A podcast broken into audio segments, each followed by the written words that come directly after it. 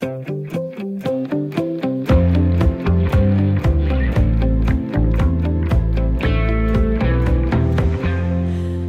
klikker os til at bestille varer hos bageren, i elektronikfirmaer og i byggemarkeder for tiden, men skal huse nu også være til at være sådan en click and collect vare? Det er det store spørgsmål, for øh, mens coronakrisen herver, så stiger boligpriserne landet over. Og nu er der faktisk eksempler på, at folk køber hus helt uden at have set det. Så vi skal selvfølgelig tale om boligpriser i selskabet i dag. Vi skal også se lidt nærmere på ejerne af nogle af de danske detailbutikker, vi holder mest af. Mange af dem de er nemlig blevet overtaget af kapitalfonde, som nu risikerer vil af med dem igen, fordi økonomien måske ikke længere er så god. Det giver lige nu i de her dage øh, endnu flere grå hår i hovedet på stifteren af tierbutikkerne, Lennart Leibowitz, øh, fordi har han så måske lyst til at købe den butik tilbage, som han selv har startet. Velkommen til Selskabet på Radio 4, programmet, hvor vi går tæt på ugens store erhvervshistorie med hjælp fra et par af dem, der kender erhvervslivet indefra. Jeg hedder Mie Rasmussen, jeg er journalist og selvstændig kommunikationsrådgiver. Jens Christian Hansen, er du her? Det er jeg helt sikkert. Som altid øh, mangeårig erhvervskommentator og også journalist. Og så skal vi også lige sige til lytterne, hvis øh, I synes, jeres radio lyder lidt anderledes, så er det altså fordi, vi har holdt flyttedag. Vi sender fremover her fra øh, februar, sender vi selskabet hver onsdag kl. 10.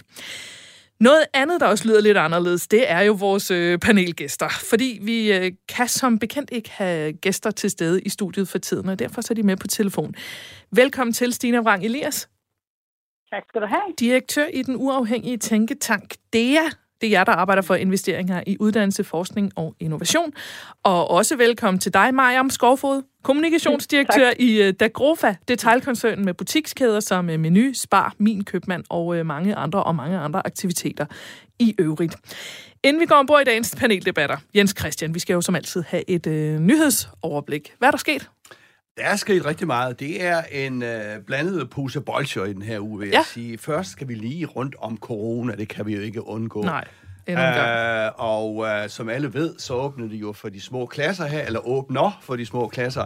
Men altså, det er jo ved at være revner og sprækker i den tidlige tid, uh, regeringen. Og jeg synes jo også, at de burde have meldt noget mere klart ud om, øh, fremtiden, eller mm. sat nogle scenarier. Jeg synes, de er lidt øh, småpige fornærmet, hvis man kan sige det sådan, hvis man får kritiske spørgsmål. Uh, der bliver i hvert fald den, ikke svaret på dem. Nej, altså det, den tillid er jo mange, afgørende, synes, ja. og vi øh, er jo mange, der har stor tillid, øh, og ikke nødvendigvis sølvpapirs hatte på, men man kan bare mærke, at, at, at gruppen er frustreret, og, og, og, og, og øh, folk, der ligesom ikke har tillid, den stiger og stiger. Mm. Så, Selvom der stadigvæk er bred opbakning. Øh, Selvom, hvem, hvem er det, der kritiserer? Ja, men har du lagt jo, mærke til? Ja, men det er også private øh, mennesker, og det er selvfølgelig hele mm. den, øh, hvad skal man sige, hele butiks øh, delen der, det er for eksempel øh, efterskoleelever øh, elever og deres forældre, mm. øh, ikke mindst, og så videre, og så videre. Ja. Så jeg synes, det stiger. Mm. Og så skal vi til en rigtig god nyhed. Ja. Ost Nord. Et selskab, som... Altid godt nyt. et selskab, som har været i krise i mange, mange år, og øh, har haft kæmpe underskud i den, øh, for nogle dage siden kom de med et... En pakke? Et, et, nyt, et nyt regnskab med et overskud på 1,3 milliarder. Og Hovsa, øh, hvad skete det lige der? PostNord, det er jo den der virksomhed, som blev lagt sammen Post Danmark og det svenske postvæsen, og det har været i krise, det har været i ledelseskrise, de har manglet penge, Danmark og Sverige har, har slået så der brager, og så videre, og så videre. Og nu de har Corona. også manglet at kulere, kulivere tingene, ikke? Til jo, jo, jo, jo, jo, jo. Men altså, de mistede alle brev, øh, brev, øh, brevforsendelserne, ja. men nu med corona har de jo åbenbart fået en gylden, gylden øh, forretning i at sende pakker rundt til ja, os alle sammen. præcis. Så det var den gode og, og nyhed. Og skal være ret. Jeg synes nu også, de er, de, er, de er blevet væsentligt hurtigere til at få dem frem til adressen. Ja. ja. Så så jeg en sjov, øh, en sjov nyhed fra en, øh, en mange, mange millionær. Han hedder Jafar Salchi, øh, og han siger, at hvor er han fra? Øh, han er fra Danmark. Nå. Og han er iransk født, men Nå, har boet her i Danmark. Og ham, blevet... der rejser rundt med at, sige, øh, med at glæde sig over at betale skat. Lige præcis. Ja? Beskat mig noget mere. Beskat de rige noget mere. Uh, og det er jo uh, en meget uh, interessant uh, del, fordi han siger, jamen, jeg har jo ikke gjort noget for, at aktierne stiger, som han har mange af. Jeg har ikke gjort noget for, at ejendommene stiger, som han har mange af. Så beskat os noget mere. Det er et meget kontroversielt synspunkt. Uh, men uh, jo også et lidt forfriskende synspunkt, at en af de rigtig rige ja. selv siger det. Det gør han ofte, altså kommer med noget, der ligesom stikker i en anden retning, end det, som er som er det, vi danskere normalt godt kan lide at have som, som holdning. Ja. Ikke? Så, Ja, siger han, præcis. så siger han lidt noget andet. Og så til sidst sådan en, øh, det der med at arbejde hjemmefra, hvor man sidder derhjemme og, og shopper. Yes. Uh, der er det en direktør ude i Tryk, Morten Hyppe. Han har også siddet og shoppet derhjemmefra. Han har sådan set købt en øh, virksomhed for 35 milliarder kroner, uden at have mødt de mennesker, han har, øh, har købt virksomheden af. Så, så det er nye tider. Hvad siger Øh, han om Tryg det? Kan man sagtens gøre det? Ja, det kan man sagtens. Jeg ved det ikke rigtigt, om man sagtens kan det, fordi jeg tænker, det der med at købe noget, købe kultur og øh, en kultur i en virksomhed, og hvad du køber? Ej, Du kan selvfølgelig sidde og kigge på, på regnskaberne, og du kan tjekke øh, medarbejderne osv. osv. Men han har så lige shoppet for 35 milliarder derhjemme ved, øh, ved hjemmecomputeren, mens Ja. ja. han har passet sine børn, eller hvad han nu har det. Jeg kom bare lige til at tænke på, at øh, det der møde i udenrigspolitisk nævn, var det ikke der, hvor der pludselig var nogle russiske øh, satirefolk, der brød ind i mødet, Nå, jo, jo, fordi jo. de ikke havde billede på. Jeg tænker bare, når man køber en virksomhed for 35 milliarder, så skal man lige holde øje med, hvem der er inde i det Ja. Zoom-møde. Men det er, en, det er nye tider. Det må man sige. Mens verden er i coronakrise, så bulrer det danske boligmarked derud af. Boligpriserne stiger. Øh, som du også lige sagde, Jens Christian, folk, der har ejendomme, de har også tjent gode penge under øh, coronakrisen. Men de her boligpriser, det er jo ikke kun i de større byer, det er faktisk også i de mindre kommuner, hvor øh, jeg læste mig til Langeland, Lolland og Guldborgsund på Falster, har oplevet rekordstore prisstigninger på op mod 40 procent i gennemsnit det seneste år. Det kommer altså alligevel øh, bag på mig. Vist nok også fra et lavt niveau. ja, ja, Men selvfølgelig, alligevel, men dog alligevel. Øh, I Ringsted, der melder mailerne om salgsrekord under corona, særligt fordi københavnerne flytter ud af byen, siger de. Og i denne her uge, så havde Berlingske et ret inter- interessant interview med en kvinde, der har købt et sommerhus, uden at have set det før. Jeg mener, hun havde givet 2,5 millioner eller noget i den dur. Maileren, han sagde, at der var simpelthen ikke tid til, at du kunne komme og se det, fordi det ville nå at blive solgt til anden side. Jens Christian, vi har jo talt om det øh, for noget tid siden omkring aktiemarkedet, som også kun er gået en vej under coronakrisen. Men nu får du lige spørgsmålet om, om huspriserne. Er der tale om, om, om en boligboble? Ja, selvfølgelig er det tæller en boligboble. Det er da helt klart.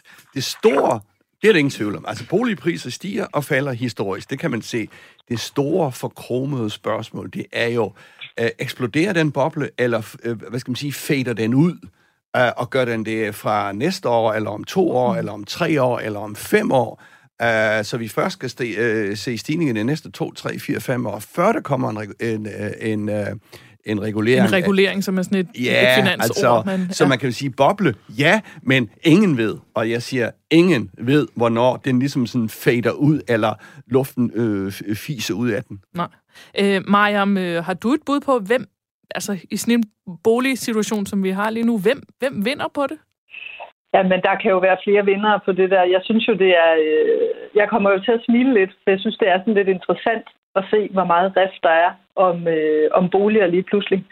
Øh, vi har jo selv herhjemme været på kig efter et sommerhus. Det var vi lige inden corona. Øh, og da corona ramte, skete der jo noget helt andet. Vi var ude at se på sådan et mugbefængt sommerhus til 2,5 eller til 2,5 millioner. Det stank, som jeg ved ikke hvad. Og skimmelsvamp over det hele. Og maleren sagde faktisk, inden vi gik ud af døren, I skal sige, hvis I vil have det. For det bliver solgt, inden der er gået to timer eller sådan noget. Ikke? Ja. Og det skete jo så der. Det er derfor, det er sådan lidt interessant at se det her med... Øh, øh, at, se, at læse den der artikel også med, at, at nu begynder man at købe sommerhus, inden man overhovedet, øh, inden man overhovedet har set dem.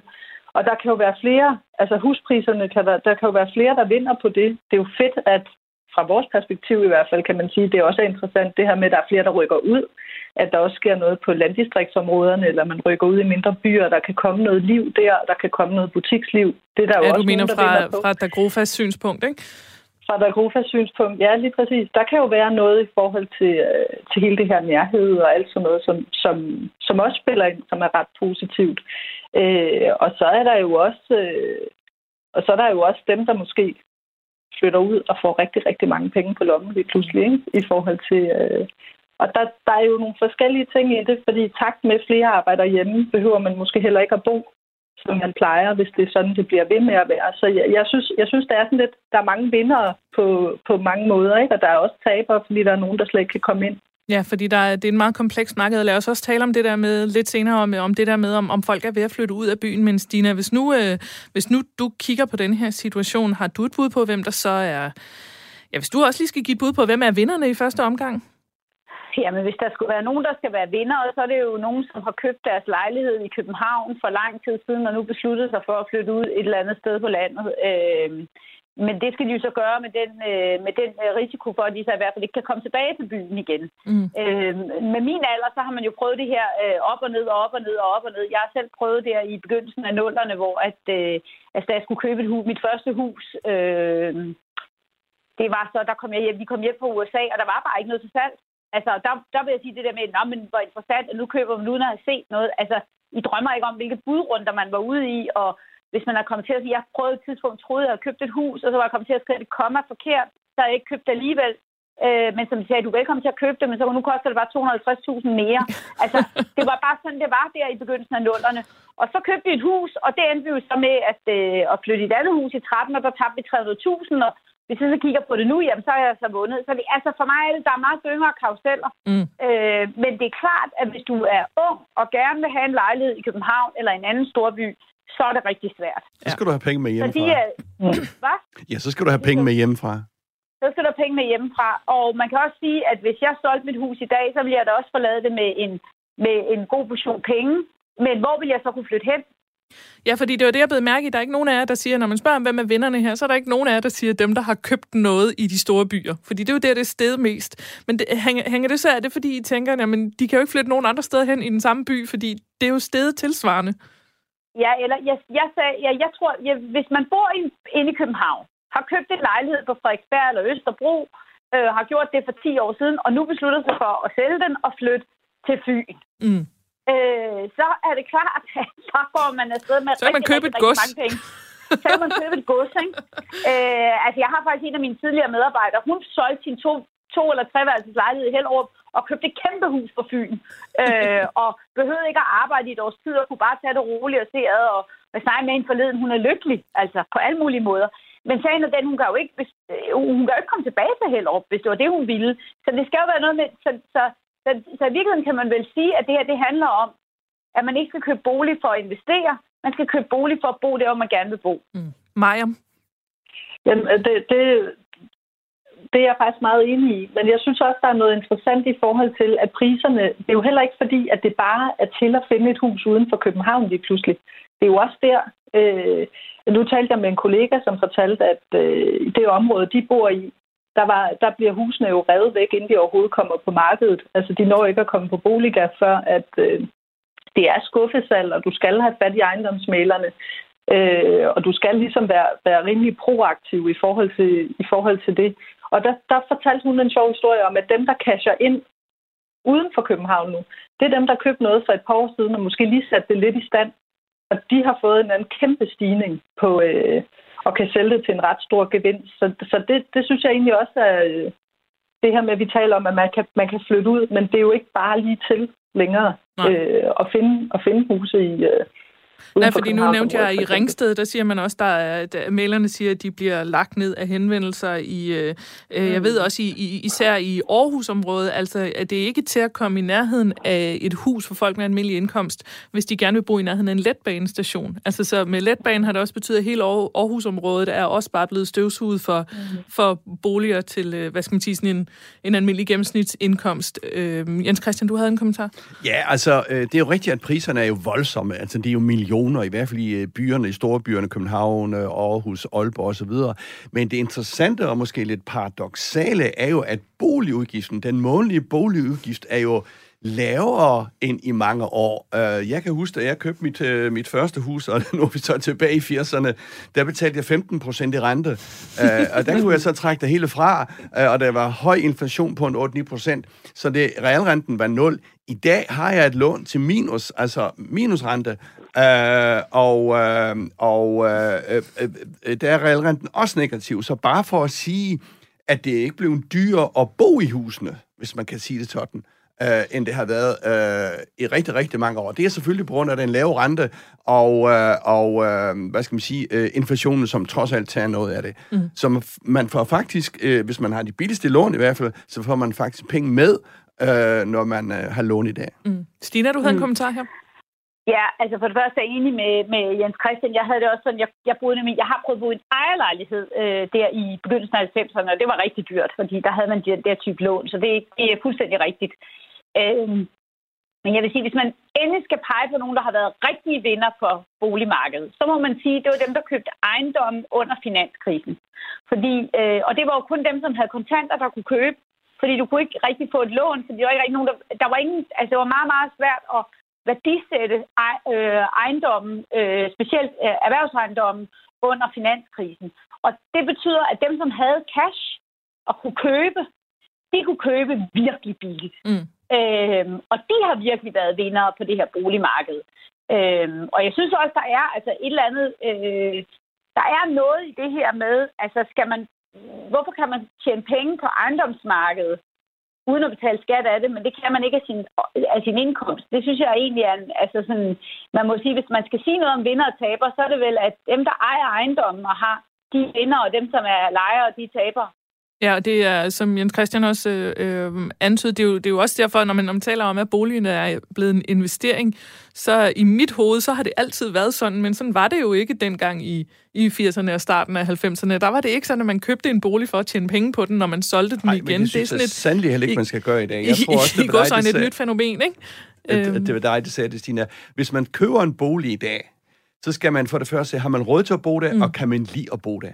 Og så glem mm. alt om, at den skal stige efter de næste to-tre år, eller fire år, eller fem år, fordi det kan du ikke planlægge dig ud af. Nej, det er også det, der giver mig mindelser til, øh, til finanskrisen, det der med at købe og sælge igen med det samme. Men må jeg ikke lige sige en, en lidt anden ting, som jo er interessant, og det er jo, at, øh, at øh, det er jo sværere og sværere for mange at blive godkendt mm. i, i banker og realkreditter i dag, og hvis du kommer uden øh, penge med hjemmefra, jamen så kan du næsten ikke blive godkendt. Og det synes jeg er et problem, som politikerne måske også burde gøre noget ved, fordi der har ikke været tab på boligkunder de sidste 20 år. Selv under finanskrisen var det ikke tab på boligkunder, heller ikke under coronakrisen. Uh, tab for hvem? Tab for bankerne? Uh, tab for bankerne. Ja. Uh, boligkunderne betaler deres ydelser. Mm. Nu så jeg her uh, også den anden dag, at i hele 2020, jamen det er forsvindende små tab. Uh, så pointet er sådan set bare, at der er ingen risiko ved, næsten ingen risiko ved boligkunder. Mm. Så hvorfor så strikse, uh, mål, uh, hvad skal man sige, uh, strikse uh, regler med at, at låne? Mm. Øhm, jeg tænker også lige at, at høre jer ad øh, nu, Maja, om du sagde også den der i forhold til Dagrofa, at I selvfølgelig også ser med interesse på det der med, om der kommer øh, et større kundegrundlag ude til lokalbutikker og så videre ude i landet. Nu taler vi om, at, at førstegangskøbere faktisk ikke kan købe en 1, 2, 3 værelses lejlighed, medmindre de har penge med hjemmefra. Altså, hvad tror I, det kommer betyde, til at betyde for boligmarkedet? Hvis nu priserne stiger over de næste fem år, så er det jo en hel generation, der ikke har haft råd til at købe lejligheder i byerne som det første køb. Maja? Altså, jeg vil gerne udfordre den lidt, den der tanke, fordi med baggrund i corona. Ja. Fordi hvad nu, hvis det ikke behøver at være sådan? Altså, der er nok også en årsag til den her stigning er over det hele. Man begynder at rykke ud. Sommerhus bliver revet væk. Vi har jo ikke rigtig kunne bevæge os i et års tid. Øh, vi ved ikke, hvor lang tid det bliver ved. Vi håber jo på, at der kommer en genåbning og alt sådan noget. Alle taler om, at det kan være, at nogle ting vil ændre sig. Det kan godt være, at der øh, urbanisering stadig sker. Det er, ikke, det er ikke det, men det er bare den der sjove tanke med, hvad hvis det ikke bliver nødvendigt for den her familie for eksempel at rykke ind til byen og finde andet end en 1, 2, 3, 4 værelseslejlighed. Det kan være, at den familie grundlæggende ikke skal ind til byen mere, fordi det ikke er samme krav. Der er, der, det er ikke sikkert, at jobsene ligger på samme måde inde i byen. Det er ikke sikkert, at man behøver at køre ind på samme måde, som man har gjort, at være tæt på sin arbejdsplads, fordi man netop kan sidde i sit sommerhus eller kan bo længere væk. Så det er bare lige sådan for at udfordre den der, fordi der sker jo nogle ting nu. Øh, og der er jo mange af os, der ikke... Altså, jeg, jeg har været inde, men der er jo ret mange, der slet ikke har været inde på deres arbejdspladser i lang tid. Og man ser billeder på sociale medier af folk, der beskriver deres arbejdsplads udenpå og siger, at vi kan slet ikke huske den indeni. Måske er det ikke lige så nødvendigt. Nej, men det er derfor, at ja. måske er det ikke lige så nødvendigt faktisk at bo i byerne, som det har været hidtil. Nej, man kan sige, man har jo ofte talt om i, i boligmarkedssammenhænge, når, når en børnefamilie for eksempel skal købe et hus i byen, så, så bruger man sådan en passer og tegner øh, 30, 45, 60 minutter udenom, alt efter hvor lang transporttid man kan tåle, at den passer måske efter coronakrisen bliver meget bredere og meget større, mm. fordi vi kan gøre det sådan, at Mor arbejder mandag tirsdag, og far arbejder onsdag torsdag, og resten af tiden sidder vi derhjemme. Øh, tænker I, at det er det, der sådan bliver konsekvensen, eller hvad kan det betyde? Altså, flytter vi ud i nogle små øh, øh økosamfund ude på landet, eller hvilken vej går det? Altså, det, vil jo, det er jo ikke utænkeligt, at det i hvert fald kommer til at øh, ændre på den trend, der har været de sidste i hvert fald 10 år eller sådan noget. Altså, min generation, nu er jeg jo så lige øh, lidt over 50. Vi kunne jo, da vi fik børn, kunne vi jo simpelthen ikke komme ud af byen hurtigt nok. Øh, vi skulle ud og bo i et eller andet virum eller, eller dysegårdskvarteret, øh, hvis man havde råd til det. Øh, væk skulle vi. Jeg kan jo se, at de medarbejdere, jeg har ansat her, øh, jeg ligger inde i midten af København, lige ved Nørreport station, der er ingen af dem, der flytter ud af byen. Altså, de, er, de, har, mødt, de har gået på de har gået på en uddannelsesinstitution her i byen, øh, og, og der har de mødt deres kæreste, eller de mødt deres kæreste på deres første job. De flytter ikke ud af byen, når de får, øh, når de får et barn. Øh, og Københavns Kommune er blevet en utrolig øh, børnevenlig kommune. Mange flere grønne øh, ting og cykelstier og you name it. Og man, man, hvis man er herinde i weekenden, så er her utrolig mange børn mm-hmm. udenfor. Ja, men for det er det jo i øh, alle byerne, at folk har både et, to og ja. tre børn i små lejligheder, ja. Ja, og det man så kan sige, det er, at nu er corona kommet, og det kan jo være, at øh, der simpelthen er nogen, der bare tænker, jeg skal ikke sidde under en, en pandemi igen med mine børn her. Eller, altså den der, jeg tror, når sommerhus bliver købt og revet væk, så er det, fordi folk har lyst til at komme væk fra deres, deres, deres faste bolig og ud og se noget andet. Og den kan både være en lejlighed i byen, men det kan sådan set også være et hus, fordi det er bare den der forandring kan være rigtig godt. Mm. Øh, men det bliver interessant at se om, øh, altså jeg læste bare et tal om, at øh, der var flyttet 50.000 færre til København i 2020 i forhold til 19. Og det er jo sådan første gang i mange, mange, mange år, at der ikke er kommer flere til København, men færre. Og det tilskrev man corona, altså øh, at, at folk simpelthen har lyst til at komme. Det, det, jeg kan godt forstå, at hvis du har to eller tre mm. små børn i en lejlighed, og nu to mennesker, der arbejder hjemme, jeg vil kravle væggene simpelthen, og jeg har prisen mig lykkelig for, at jeg selv bor et sted med skov og strand og alt muligt. Øh, så, så det tror jeg måske, men, men, men, men det vil bare være virkelig en forandring i forhold til de foregående 10-15 år, hvor vi kun har set mm. urbanisering. Ja, så man får sådan en lidt mere fleksibel boligsituation. Maja, er du enig i det, at det, at det er meget den vej, du siger også, at I kigger efter sommerhus i familien? Ja, ja, men altså, vi stoppede så med at kigge, kan man sige, fordi det blev revet væk, og vi mm. synes, det var fuldstændig sindssygt. Ikke? Men, så, mm. men, så, men så igen vil jeg sige, den seneste måned, altså, der skete noget. Jeg er på Boliga hver eneste morgen for at se, om der er noget. Øh, fordi jeg tænker, det her kan jeg ikke holde ud. Nej. Vi bliver nødt til at... Og der tror jeg, Stina har ret i, det er forandringen. Det er simpelthen forandringen, fordi man, øh, man ser det samme, man oplever det samme. Det er, øh, nu har vi gået den samme tur i Frederiksberg Have mm. øh, 100.000 gange øh, og har, kan Lindevangsparken ud og ind, og kan øh, altså, Søndermarken, og kan hele det der område. Ikke? Så jeg tror også, det er den der forandring, øh, hvor man får behovet for at komme mere ud. Men der er jo også noget sundt i det der med at komme mere ud og se nogle andre sider, altså se noget andet øh, end byerne, mm. og opleve, øh, opleve nærheden ude i de mindre byer også. Ikke? Vi skal lige have Jens mm. Christian til at afrunde den her debat, men Stina, har du en kort kommentar? Jeg vil bare lige øh, sige til mig, om inden du nu kan købe et hus, jeg selv, om jeg bor i et hus i meget naturskønne områder, øh, øh, så gjorde jeg selv det, at jeg simpelthen lejede et sommerhus en weekend. Bare det at gå til en anden bager var super skønt. jeg tror også, det at sige, at vi bor jo i hus her. Jeg er bare ved ja. på spat. ja, præcis. Jeg vil få se en anden bager. oh, inden, inden I, I får spat, det skal vi endelig ikke have mere af. Øh, øh, Jens Christian, jeg vil lige runde af hos dig, fordi nu er vi jo et erhvervsmagasin. Så hvis vi nu kigger på øh, det her, de her scenarier for, hvad der kan ske med bolig, boligboblen, som du siger, selvfølgelig er den der, men øh, spørgsmålet er, hvor, hvor hurtigt den fiser af på et eller andet tidspunkt. Øh, luften går af ballonen. Men hvad skal man holde øje med sådan mere sådan makroøkonomisk? Hvad er det, der kan få en betydning for boligpriserne og for, for markedet? Ja, det er stort set kun to ting. Den ene ting er det, hvis arbejdsløsheden begynder at stige, sådan for alvor. Den begyndte jo at stige lidt sidste år, men altså ikke særlig meget. Jeg tror, det er, er det 20-25.000, og det er jo pænt mange, men det er jo ikke sådan mange i en stor makroøkonomi. Og så er der en anden ting hvis renten begynder at stige. Altså renten er totalt, afstyr, øh, er totalt styrende for boligpriserne. Mm. De to ting, de er, øh, de er retningsgivende for øh, øh, boligprisernes udvikling. Ja, og hvor, hvor mange arbejdsløse skal der så være for?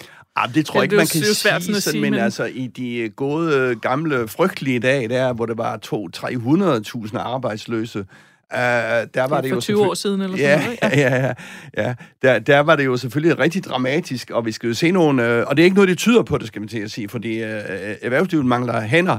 Uh, selv efter ko- coronakrisen begyndte de at mangle hænder, mm. uh, så, så det er ikke noget, det tyder på det. Men, uh, men uh, og du skal op i sådan... Uh, det ved jeg ikke rigtig, hvor meget 50-100.000 eller sådan noget, før det er sådan virkelig batter, ved at tro. Okay, Nå, men så, så var der i hvert fald et eller andet tal at navigere efter. Det var slut på den her debat. Om lidt skal vi se på danske butikskæder, der er blevet overtaget af kapitalfonde. Og så skal vi tale meget mere om måske Danmarks mest kendte kok, der faktisk slet ikke er kok.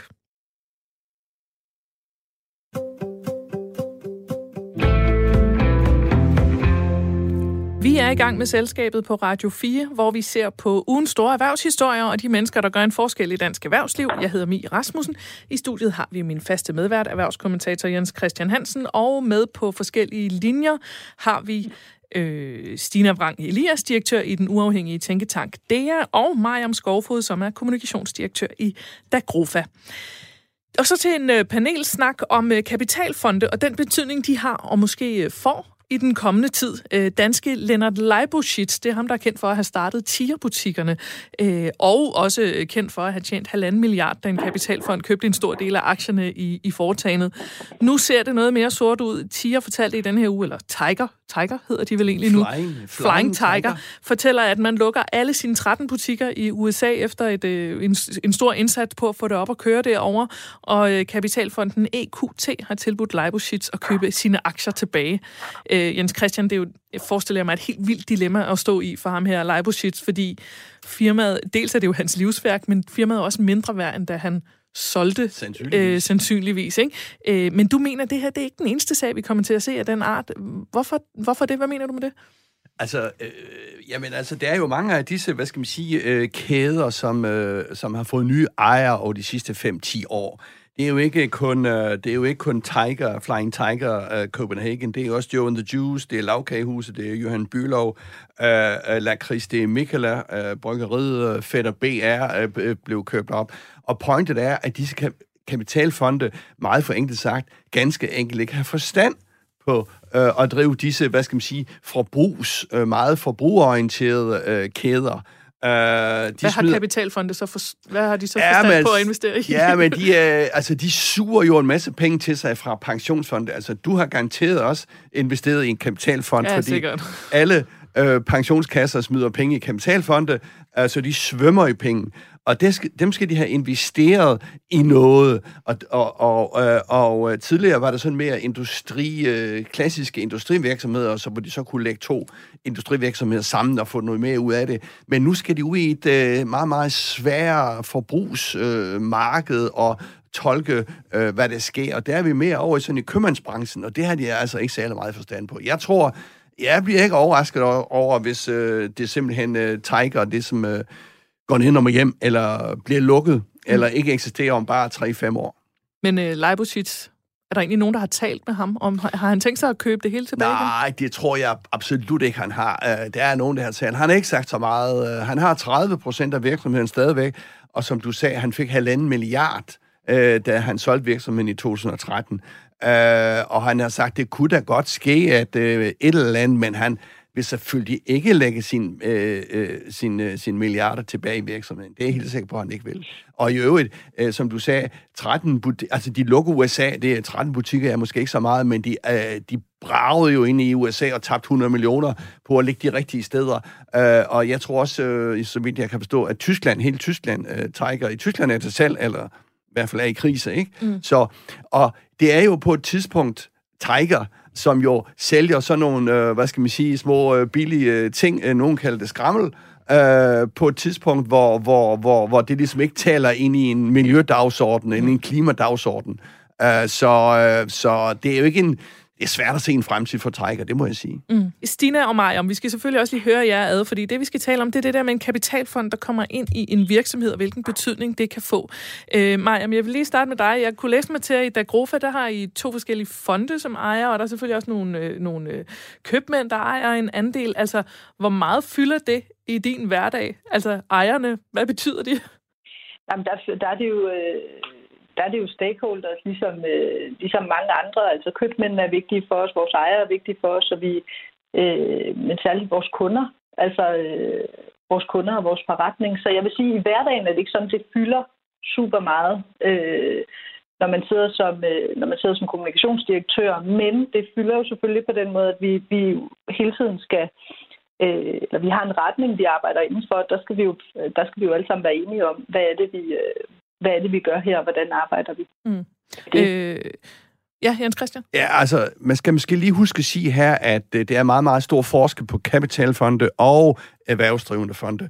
Mm. Uh, og uh, nu må du korrigere mig, Maja, yes. men så vidt jeg ved, så er I jo ejet af en erhvervsdrivende fond, KFI, mm. som det hedder, yes. som jo er inde i jer i, det ved jeg ikke, 20, 30, 40, evigt uh, måske, men altså, uh, mens kapitalfonde er inde i virksomheder meget kort, forholdsvis kort tid, 4, 5, 6 år, yes. og så skal de ud og sende igen, fordi så skal de lukke de fonde og udlede nogle, uh, udlåde nogle uh, gevinster til ejerne. Så det er to meget forskellige, uh, ja. det er to meget forskellige ejerformer, mm. det her. Men så, Maja, så kan det lede os jo frem til at måske også lige at høre dig, Adam. Hvis nu vi hypotetisk siger, at der kom en mail til dig nu, hvor der stod, at vi er blevet købt af en kapitalfond, som overtager fra i morgen. Hvad ville, hvordan ville din mavefornemmelse så være, pludselig skulle arbejde et sted, hvor det var en kapitalfond, der sad på, på kassen? Det tror jeg faktisk ærligt ikke, jeg ville tænke så meget over. Altså, jeg tror, der er jo flere, der er jo flere dele i, når vi taler kapitalfonde så rent image-wise, så er det jo næsten et fyord. Altså når man siger kapitalfond, det er noget, der rykker i de fleste. Øh, og det gør det jo, fordi at der har været nogle eksempler, blandt andet øh, hvis man tager Blackstone, eller der har været øh, Macquarie, øh, den australske kapitalfond, hvor der har været et dårligt ry, som er noget, som kan fylde lidt. Men i virkeligheden, så er det jo også, øh, som Jens Christian siger, nogen, der egentlig skal med ind og optimere og vækste og være med til at drive en forretning og så kan være ude igen på et tidspunkt. Så jeg tror, altså for, for mig selv vil jeg ikke sådan, øh, det vil jeg ikke øh, øh, tænke over på den måde, men jeg vil vide i sådan øh, rent relationsbyggende og så videre, så vil der ikke, altså, så bare det at sige kapitalfond kan for den almene være et øh, kan, kan være sådan lidt negativt ladet. Og ja. det synes jeg faktisk ikke det synes jeg faktisk ikke øh, øh, burde være sådan. Mm. Altså. Øh, Stina, øh, inden vi lige vender tilbage til øh, Kapitalfondenes ry, hvordan ville du egentlig have det med, hvis øh, jeres tænketank, altså sådan igen hypotetisk, blev overtaget af en kapitalfond? Jamen, altså nu er vores juridiske konstruktion den, at vi er en almennyttig mm-hmm. forening. Og det betyder faktisk ret meget for ens øh, sjæl, skulle jeg til at sige. Øh, men, men det gør det altså, fordi det er sådan set et pejlemærke, vi har i som vi, som vi ofte drøfter, jamen er det her, altså, er det her det rigtige? Altså, vi har et moralsk kompas, der handler om, at vi skal være til almenvældets øh, tjeneste. Øh, så derfor ville det betyde ret meget, hvis vi lige pludselig var en, øh, var, øh, var ejet af en kapitalfond, som har nogle helt andre, som jo skal lave profit og en bundlinje. Øh, det forstår jeg udmærket godt, men det er bare noget helt andet, det vi laver. Øh, og, og, og, og ja, så, så på den måde vil det betyde rigtig, rigtig øh, meget øh, for os. Øh, men vi er også lidt særlige, fordi vi jo netop er en almindelig forening. Ja, det var øh, også helt hypotetisk. ja. fordi jeg tænker også, det ligger lidt langt fra, meget langt ja. i hvert fald fra, hvor, hvor jeres bare, øh, tænketank er i dag. Jeg vil gerne, ja, det ved jeg godt, men jeg vil gerne sige en ting, altså noget om, hvad det betyder. Jeg havde mange, I mange år havde vi nogle diskussioner med revisionen, altså var det, øh, og vores bestyrelse, altså var det super vigtigt for os, om vi lige landede den 31. december med et, med et godt regnskab, eller, eller var det noget andet, var vores bundlinje noget andet? Og vi har så fået diskuteret frem til, at det er ikke nødvendigvis så vigtigt lige præcis, hvad vi lander i den 31. december, men hvis du er fondsejet, eller hvis du er ejet af en kapitalfond, altså din, din ejerkonstruktion betyder jo noget for, øh, hvordan du kan agere. Mm. Øh, men, men hvad er egentlig problemet med kapitalfonde, tænker jeg også, så Jens Christian. Jeg tænker, du måske lægger du ind med nogle, nogle, nogle grælde eksempler på, hvorfor er det egentlig, de har sådan men, et dårligt ry? Ja, men altså, jeg vil sige to ting. Øh, altså, jo, altså, vi kan lige komme tilbage til det dårlige ry. Jeg vil sige, de kan også nogle gode ting. De kan komme for eksempel hen til en lidt søvnig, henslumrende virksomhed, og hvis det er nogle værdier at bygge videre på, så kan det give det noget energi, og så mm. øh, komme ud over stepperne. Men, men, men altså, det, der har givet dem det rigtig dårlige, øh, hvad skal man sige, øh, image eller brandværdi at være kapitalfond, det er jo, at de går ind og, og, og køber virksomhederne og smider dem igen, øh, ud igen øh, til, nogle, øh, til nogle andre ejere som et afsuttet bolche, som vi snakker om nogle gange. Altså, at det er presset og presset og presset øh, så meget, så, så, så den ikke kan, kan tåle mere. Altså, vi har jo set flere eksempler på det. Vi så det, de gik ind i BR, Fætter, Fætter BR legetøj, og jeg ved ikke, om den var i krise før eller efter, men det endte jo med en konkurs. Det var også en kapitalfond. Vi har set, de har gået ind i ISS, øh, verdens største rengøringskoncern mm-hmm. og servicekoncern, der er også et problematisk, øh, de spytter den ud igen, og den har været rigtig svært ved at komme op og flyve igen. Så mm så det er sådan, man presser øh, på den korte bane. Altså det er kortsigtede øh, øh, øh, altså profit er jo godt, altså hvis det ligesom kan bringe nogle værdier på en lang bane, men problemet mange steder med kapitalfonde, det er, at det er profit på den korte bane. Og det er så der, hvor det også især bliver et problem for de her, hvad skal man sige, familiedrevede eller ejerledede virksomheder, hvor man har sådan hjertet så meget med i produktet, og selv måske har været med til at starte det i sin tid. Ja, altså man kan jo sige det så meget, altså det, man kan sige det lidt forenklet, altså sådan, det er et clash, eller hvad skal man sige, et sammenstød mellem øh, sådan idéfolk, øh, øh, øh passionerede øh, iværksættere, og så og så finansfolk, øh, altså regnedrenge, som mm. sidder med nogle øh, Excel-ark og, og regner sig frem til et eller andet, sådan meget forenklet sagt. Maja Martina, I skal også lige have et bud på, hvor, hvorfor er det, hvorfor mener I, hvorfor tror I, det er, at kapitalfonde har så dårligt ry? Jamen, jeg, jeg sad og tænkte på, om man, om man, altså, øh, om man kommer til at øh, skære alle kapitalfonde over en kamp. Det kunne man jo godt. Altså, der, men, men det er da klart, der har været nogen, som har kørt øh, nogle, nogle, altså, nogle processer, som har været hårde. Men der er enig med Jens Christian i, jeg har sådan set også set, set eksempler på kapitalfonde, som har været inde og snit noget til og, og fået øh, pustet liv i, i, i hensynende virksomheder. Og, øh, og alle andre steder snakker vi jo enormt meget om professionalisering af virksomheder, professionalisering af deres ejerstruktur. Så jeg tænker på, om man ikke skal have en lille smule mere nuanceret perspektiv på det og sige, at det kan være en kapitalfond kan egne sig nogle steder, øh, og der kan være et godt match øh, mellem kapitalfond og den virksomhed, som de køber, og så kan der være et dårligt match. Mm. Hvad med dig, Maja? Hvad siger du? Jeg er, jeg er faktisk fuldstændig, jeg er fuldstændig enig.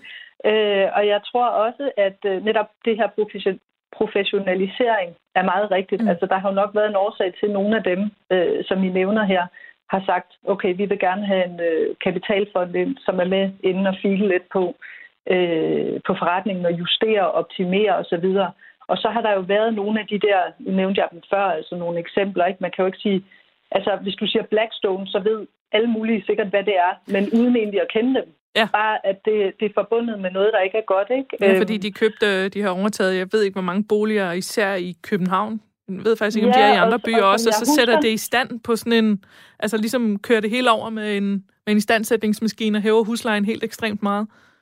Altså, og, og, og, og som jeg husker det, så har der lige været en anden sag på Frederiksberg, hvor at, øh, at de borgere, der så boede i den bolig, ikke havde ret til at købe den billigt alligevel, mm. sådan som dommen faldt. Ikke? Så det er jo sådan meget, der er jo sådan nogle, øh, der er nogle, øh, der er noget ry, øh, og der tror jeg faktisk, at balancen er ret vigtig. Det her med, at en kapitalfond går ind og optimerer og skaber profit osv., men at det ikke må ryge over i, det er jo der, at det dårlige ry kommer, det er jo, hvis det handler om, øh, hvis det kan opfattes som grådighed. Mm. For eksempel, som der var rigtig meget kritik af Macquarie på det tidspunkt, øh, som blandt andet var, øh, var med i, i, i Lufthavnen. Der var meget, meget kritik af dem, fordi at Lufthavnen var jo ligesom alles.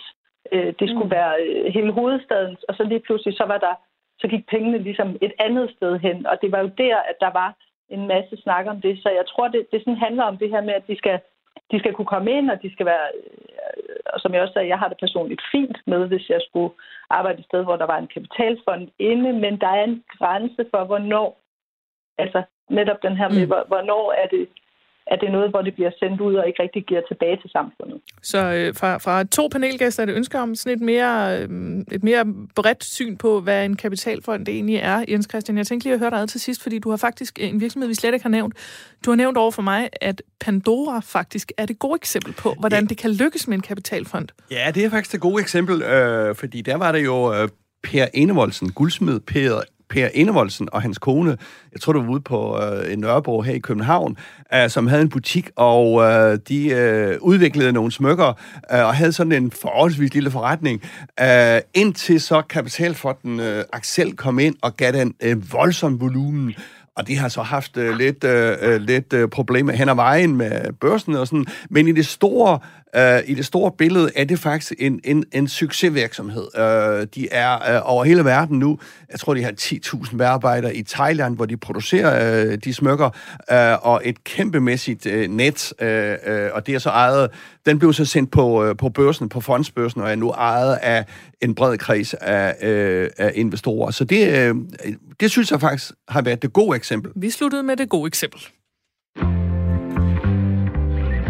Hver uge så tegner vi her i selskabet profilen af en person, der spiller en stor rolle for eller i dansk erhvervsliv. Og i denne her uge, der skal vi have fat i en mand, som faktisk ikke behøver nærmere præsentation. Han hedder Claus Meier.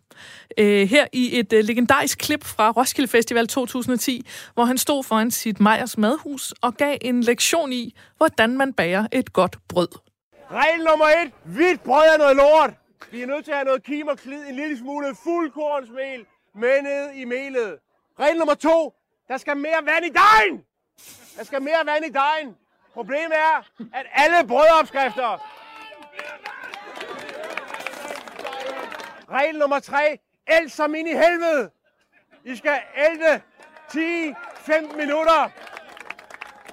Mere salt! I skal op omkring 25 gram salt per kilo mel, fordi salten fremmer brødsmag af korn. Og det næste det er, lang hævetid. Normalt så hæver man 50 gram gær, står der, og så hæver man to timer, mens man går på toilettet, og så bærer man brød. Det er løgn!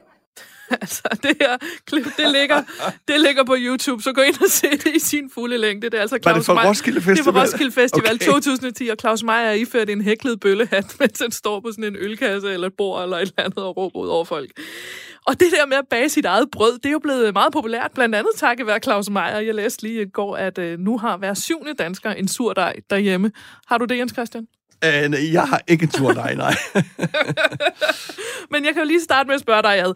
Uh, ham her, Claus Meier, han er jo, altså nu kan vi grine af ham, og han er en helt særlig person i dansk gastronomi og madkultur, men han er jo også forretningsmand. Han er Hvad nemlig også er han for en forretningsmand?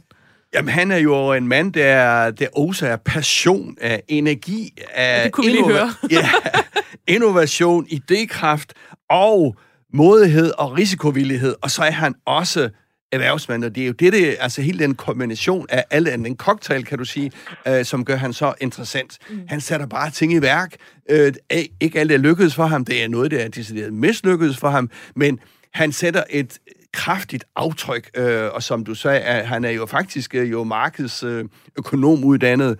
Øh, med, han er slet ikke kok. så han er slet ikke kok, nej. Øh, uddannet på CBS, så, øh, øh, så, så han kan selvfølgelig også regne den ud øh, med tal, øh, men, men, men han er jo drevet af noget passion, Uh, og for lige at vende tilbage til det der uh, kapitalfonde. Hans virksomhed blev jo også købt af kapitalfonde, uh, Maja Lykkes Mose. Og det kan godt skidt, fordi de manglede simpelthen den der kreative sjæl, disse, denne vildmand ind i virksomheden. Uh, nu prøver de at redde stumperne og har lavet om på strukturen, men, men, uh, men uh, bare for at sige, at det er nogle, uh, t- nogle hoveder, der ramler sammen. Ja. Og jeg synes jo sådan en, en type som Claus Meier, som jo også var med til at sætte Noma, vores store hvor store øh, øh, verdensberømte øh, restaurant på verdenskortet, og, og hvad skal man sige, startede som med Recipe derude, øh, mm. kokken derude på Noma, øh, hele, hvad skal man sige, eksplosionen og revolutionen i den danske madkultur. Mm. Øh, Stine og mig, om, altså nu, Jens Christian har mange fine ord omkring Christian Meier, Christian, Claus Meier hedder han, øh, men I skal også lige have lov til at komme et bud på, hvad er, hvad er jeres indtryk af Claus Meier som, som erhvervsmand? Øh, jamen, første gang jeg mødte Claus Meier, det var, da han havde overtaget kantinedriften ude på CBS, og at han lavede mad til min øh, venindes bryllup, som, øh, som, som blev holdt ude i, øh, i den her øh, kantine ude, øh, ude på Frederiksberg. Ja, øh, han, er, han er, som Jens Christian siger, en passioneret. Øh, han er både passioneret omkring mad, men jeg tror heller ikke, der er nogen tvivl om, at også, han også har været god til at, at, at drive forretning, og det er jo, altså, det er jo kan man sige, uh, what's not to like. Uh, jeg har jo også en, en, et fællesskab med ham i, at han er forfalster. Uh, og jeg tænker på, om der er noget med folk, der kommer på falster, fordi... uh, uh, hvad hedder nu? Selv for Møn, det er lidt noget andet. Men, uh, men Stiksen Sushi, uh, founderne Stiksen Sushi, er også forfalster fra Horbelev. Og, uh, og både Claus Meier og... Uh, og nu kan Kim jeg lige Rabeck. Kim Rabeck. Kim Rabeck, ja. ja øh, de er jo gået sammen om simpelthen at få, øh, få rejst, genrejst, øh, genrejst Lolland Falster. Øh, og, og der, jeg tænker, Møn, det hører med der også. øh, og det er optaget, utrolig optaget af mad og sætte det, sætte det, simpelthen sætte det på Danmarkskortet. Øh, og jeg kan love jer for, at, øh, hvis jeg, at det, man kan tage til Hotel øh, Saxkøbing, hvor det tror jeg Claus Meier, og så ellers så kan man tage til Pomlenakke, øh, som, øh, som øh, Rabeck har, øh, har sat stand sammen med sin kone, som også er fra Horbelev, en meget lille by på Ja, Falster. så de, de er sådan Så, i gang øh, med at overtage sådan det der mad, madkulturen på Lolland, Falster og Møn og hele det, hele det område. Yes. Ikke? Øhm, men jeg vil, øhm, jeg skal nok også lige vende tilbage til det der med, med Sydhavsøerne. Øh, Mariam, hvad, hvis du skal sætte et par ord på Claus Meier som erhvervsmand, hvad falder dig ind? Jamen, jeg tror, jeg vil sige folkelig erhvervsmand. Mm. Altså en, som, øh, som alle på en eller anden måde kender eller har en relation til. Og øh, hvis man har været i New York, så er man 100% gået ind for at se, hvad det er, han har lavet derovre, og møder alle andre danskere, der også er i New York. øh, for at se, hvad det er, Claus Meier laver. Og det er en personlig anekdote. Jeg har selv gjort det, jeg mødte alle andre. Og tænkte, nå, for søren. Og så øh, købte noget rugbrød og tænkte, det var... Øh, det var spændende. Altså, han er jo passioneret, mm. og det er jo super fedt, når man er passioneret. Og øh, så jeg vil sige, at han er meget folkelig, og hjemme ved os, så er han jo årsagen til, at øh, en af årsagerne til, at vi spiser alt muligt forskelligt, fordi vi har så mange kogebøger. Ja, præcis. fra det der med især den der, øh, øh, jeg læste lige forleden, at Meyers Almanak har haft 10 års jubilæum, den der er bygget op fra, øh, ud fra årets øh, 52 uger, så man ligesom altid kan slå op i den uge. Hvad spiser man i denne her uge, som jeg tænker også har, har gjort et stort indtryk på, øh, på folks madlavning i Danmark. Hvad siger du, Jens Christian? Nå, men jeg siger bare, at nu nævnte Mariam jo New York, og øh, det er jo selvfølgelig meget interessant. Det er jo så en af hans store fejlsatsninger, kan man sige. Men respekt og, og point for, Mm. at han øh, tager chancen, går til USA, øh, på, øh, ind på Grand Central Station der, og laver nogle restauranter, som, øh, øh, hvad skal man sige, vil forsøge at udbrede den danske, eller nordiske madkultur. Det er så måske forkert timing, det kan også være, at det er en forkert øh, adresse, det, ved, det har jeg ikke så meget forstand på. Men pointet er i hvert fald, at han, han tør, Mm. han, han risikerer noget. Og derfor vinder du nogle gange, og du taber nogle gange. Mm. Han har også øh, sagt, at han, øh, at han, havde et, han var meget tæt på et stresssambrud, da han var i, i USA, og endte med at flytte hjem for at være tættere på sin familie, og ligesom havde taget munden for fuld. Maja, om du har en kommentar her? Jamen, det var også det her med, altså han tør, og også med det sociale aspekt. Altså, øh, det han gjorde i New York var jo at tage en med, altså at oplære og ansætte folk, som normalt ikke ville blive ansat andre steder, Mm. og, øh, og lære dem øh, noget om mad, men også bare det at gå på et arbejde og, og hvilket ansvar man tager. Så han har også det der sociale aspekt, øh, som netop gør, at han også bliver ekstremt folkelig. Mm. Øhm, ja, Stina? Men jeg sidder bare, jeg, jeg kom bare lige i tanke om, fordi jeg kiggede over på min væg, vi sidder jo hjemme, det er jo ikke nogen hemmelighed, så kunne jeg se, at der har jeg så hængende en kalender for årstiderne, som jo er lavet af Søren Ejlersen, øh, som faktisk er fra Vordingborg, så det er simpelthen, der må være... Nej, nej, nej, nej, nej. Det er en stor markedsføring af Sydhavsøerne. ja, Ja, og det er ikke nu, jeg skal sige, at jeg er fra Sydsjælland, Det er nu, fordi... jeg Dagrofa. Vi har også butikker i de områder. der er simpelthen noget med mad og det område. Det er der åbenbart. Jamen altså, som sagt har han jo øh, sindssygt mange ting i, i under Meyers. Altså, øh, der er catering, øh, restauranter, kantinedrift, street food, bagerier, madkurser, kogebøger, convenience food. Øh, der er endda også et eddikebryggeri, kunne jeg se på, på hjemmesiden. Men Jens Christian, hvad er egentlig øh, Claus Meyers rolle i, i virksomheden i dag? Du sagde, det var overtaget af en kapitalfond. Uh, ja, altså, jeg tror, han, uh, han har trukket nogle af disse uh, aktiviteter ud til sig selv, uh, så det er ikke det hele en kapitalfond. Så vidt jeg har forstået, så har han taget noget uh, ud uh, af det der, det hedder Lykkes Mose Meyer, mm. uh, som, uh, og det er den uh, kapitalfonden driver. Mm. Blandt andet har han jo også nogle street foods og, og, og uh, etableringer rundt omkring. Jamen, jeg tror, han er idémanden, øh, opstarteren, igangsætteren, iværksætteren, ham der får de, øh, de skøre idéer, som øh, kan føres ud i livet. Ja. Øh, og det er, hans, øh, det er han rigtig god til. Og kan han så finde sammen med en... Altså, da han fandt sammen med øh, Recipe der fra, fra Noma, det var jo to passionerede mennesker, mm-hmm. altså to mennesker mødes, og sød musik opstår, som og det eksploderede jo øh, i noget helt unikt, som vi vil skrive om, også om 50 år fremtiden. Ja. Og så skal vi lige tilbage til det med lokalpatriotismen, fordi det skal vi også nå. Som sagt er han jo vokset op på Falster, og hans hjertebrænder for Lolland og Udkants Danmark. Han er medejer af Nykøbing Falster Alliancen fodboldholdet, øh, blandt andet sammen med komikeren Mik Øendal. Han har også startet Madens Folkemøde, som du også sagde, Stina, øh, der har mål om at blive konkurrent til det rigtige folkemøde. Men altså, hvis man øh, prøver at google det, så, så vidt jeg kan læse mig til, så bor øh, Claus Meier selv i København. Altså, klinger det ikke lidt hul hult, når man forsøger at løfte en landsdel, man kommer fra, men, men selv er flyttet til den store by? Ja, altså, nu må man sige, nu, nu kommer jeg selv dernede fra, så, så der, altså, øh, jeg, jeg vil nu også gerne, jeg, jeg er faktisk stor øh, fan af, at man forsøger at gøre noget på det område, som man, som man kommer fra, også selvom man ikke nødvendigvis, der kan være 100 grunde til, at man ikke har lyst til at bo der, øh, i, altså permanent. Mm. Øhm, jeg ved, så det synes jeg egentlig, det, det synes jeg ikke. Jeg synes, at, at det giver meget god mening, at man har lyst til at, at være med til at løfte det område, som man kommer fra, når man kan se, at det har brug for det. Mm. Fordi øh, der er ikke nogen tvivl om, at hvis du kigger på Møn eller Landfalster, jamen så er det et af de steder i Danmark, hvor der er færrest at tage uddannelse. Det er et af de steder, der har været mest ramt af globalisering, og, og de har behov for at, at, at gentænke. Øh, og hvis der er nogen, der kan hjælpe dem til at gentænke den på en måde, hvor man tager udgangspunkt i, hvad man kan af sig selv, nemlig hvad er det for nogle afgrøder, man har på, på marken, øh, hvad er det for en kulturarv, man har i forhold til mad, øh, så synes jeg egentlig, det er meget bedre, end at forsøge at øh, lave noget, øh, hvad kan man sige, noget udflytning af statslige øh, arbejdspladser, ikke fordi vi skal diskutere det, men, men det der med at tage udgangspunkt i, hvad er det egentlig, man kan dernede på, øh, på Møn og Lolland Falster, øh, og så og bygge det øh, op fra det. Og hvis man så er dernede et par gange om ugen og snakker med dem om det, og så i øvrigt bor på Frederiksberg, eller hvor man bor, så fred være med det for mig, for mit vedkommende. Så blev det Stine, der fik det sidste ord i den her debat, og så kan jeg øh, lægge det ned med at sige, at vi kan konkludere i hvert fald ud fra panelet her, at vi mener, at øh, Claus Meier er en folkelig forretningsmand, der er i gang med at genrejse sin hjemstavn.